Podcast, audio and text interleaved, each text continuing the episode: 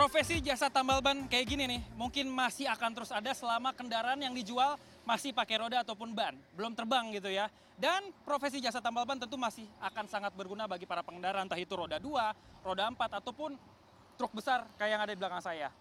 Tapi, apakah profesi jasa tambal ban ini juga mengalami peningkatan secara rupiah ataupun pundi-pundi seiring dengan bertambahnya juga populasi kendaraan yang ada? Kita akan cari tahu selengkapnya dan berikut liputannya untuk Anda.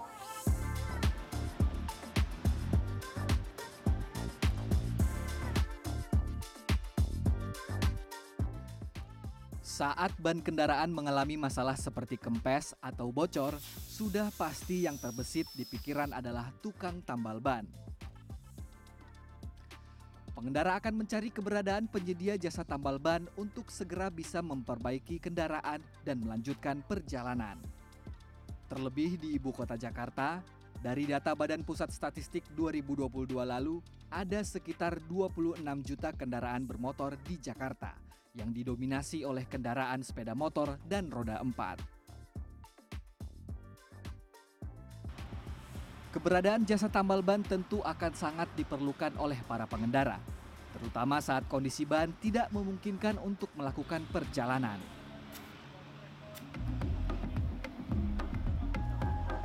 Sahat Situmorang adalah salah satu pengelola tambal ban di Jakarta.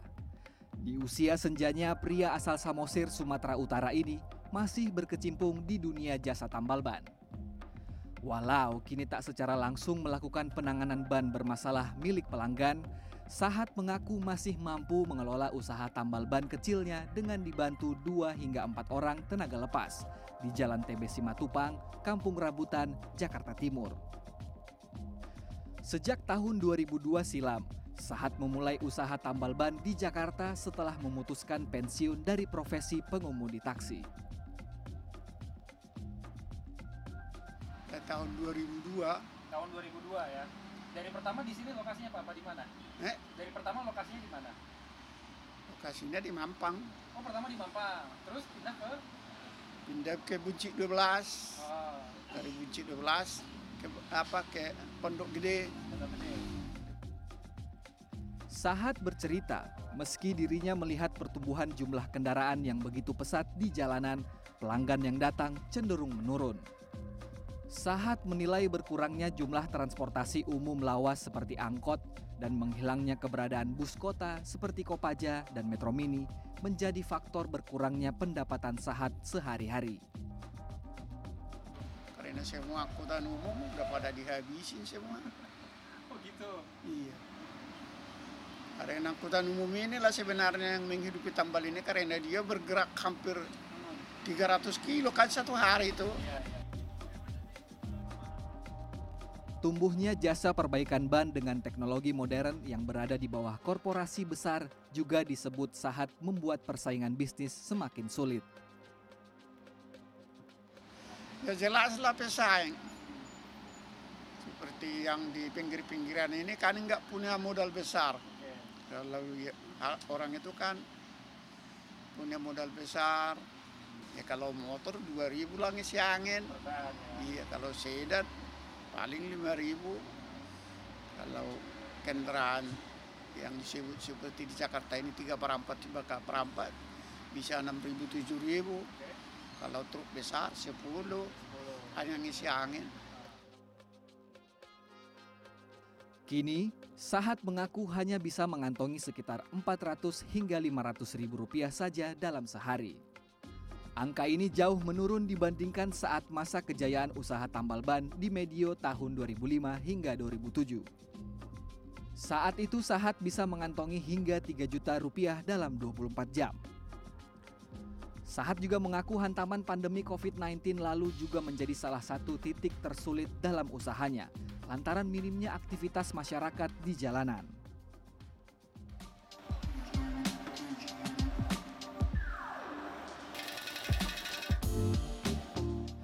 Selain Sahat, cerita profesi pelaku usaha jasa tambal ban juga didapat dari Doni Siboro yang membuka jasa tambal ban di kawasan Jalur Tengkorak, Cakung, Cilincing sejak tahun 2010 lalu.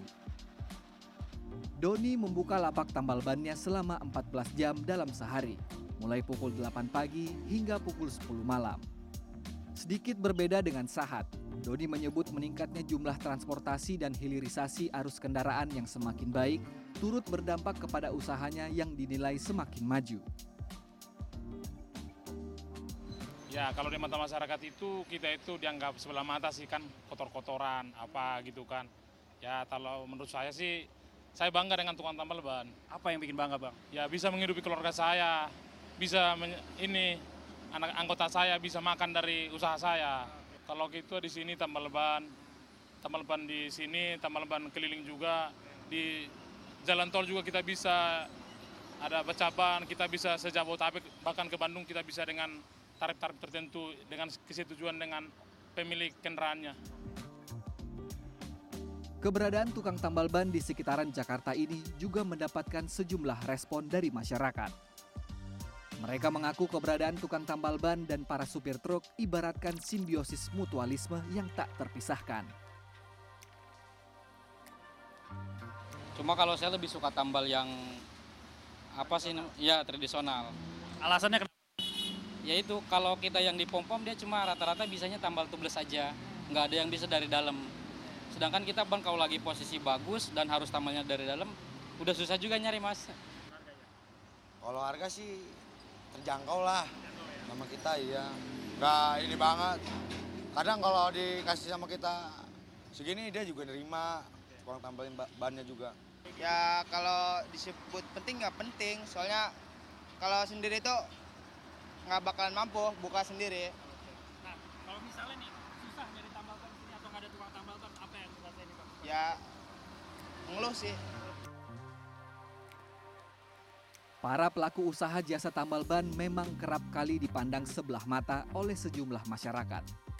Terlihat hanya mengandalkan angin untuk mencari nafkah, namun apa yang dikerjakan juga mampu menghidupi banyak manusia. Tim Liputan CNN Indonesia, Jakarta.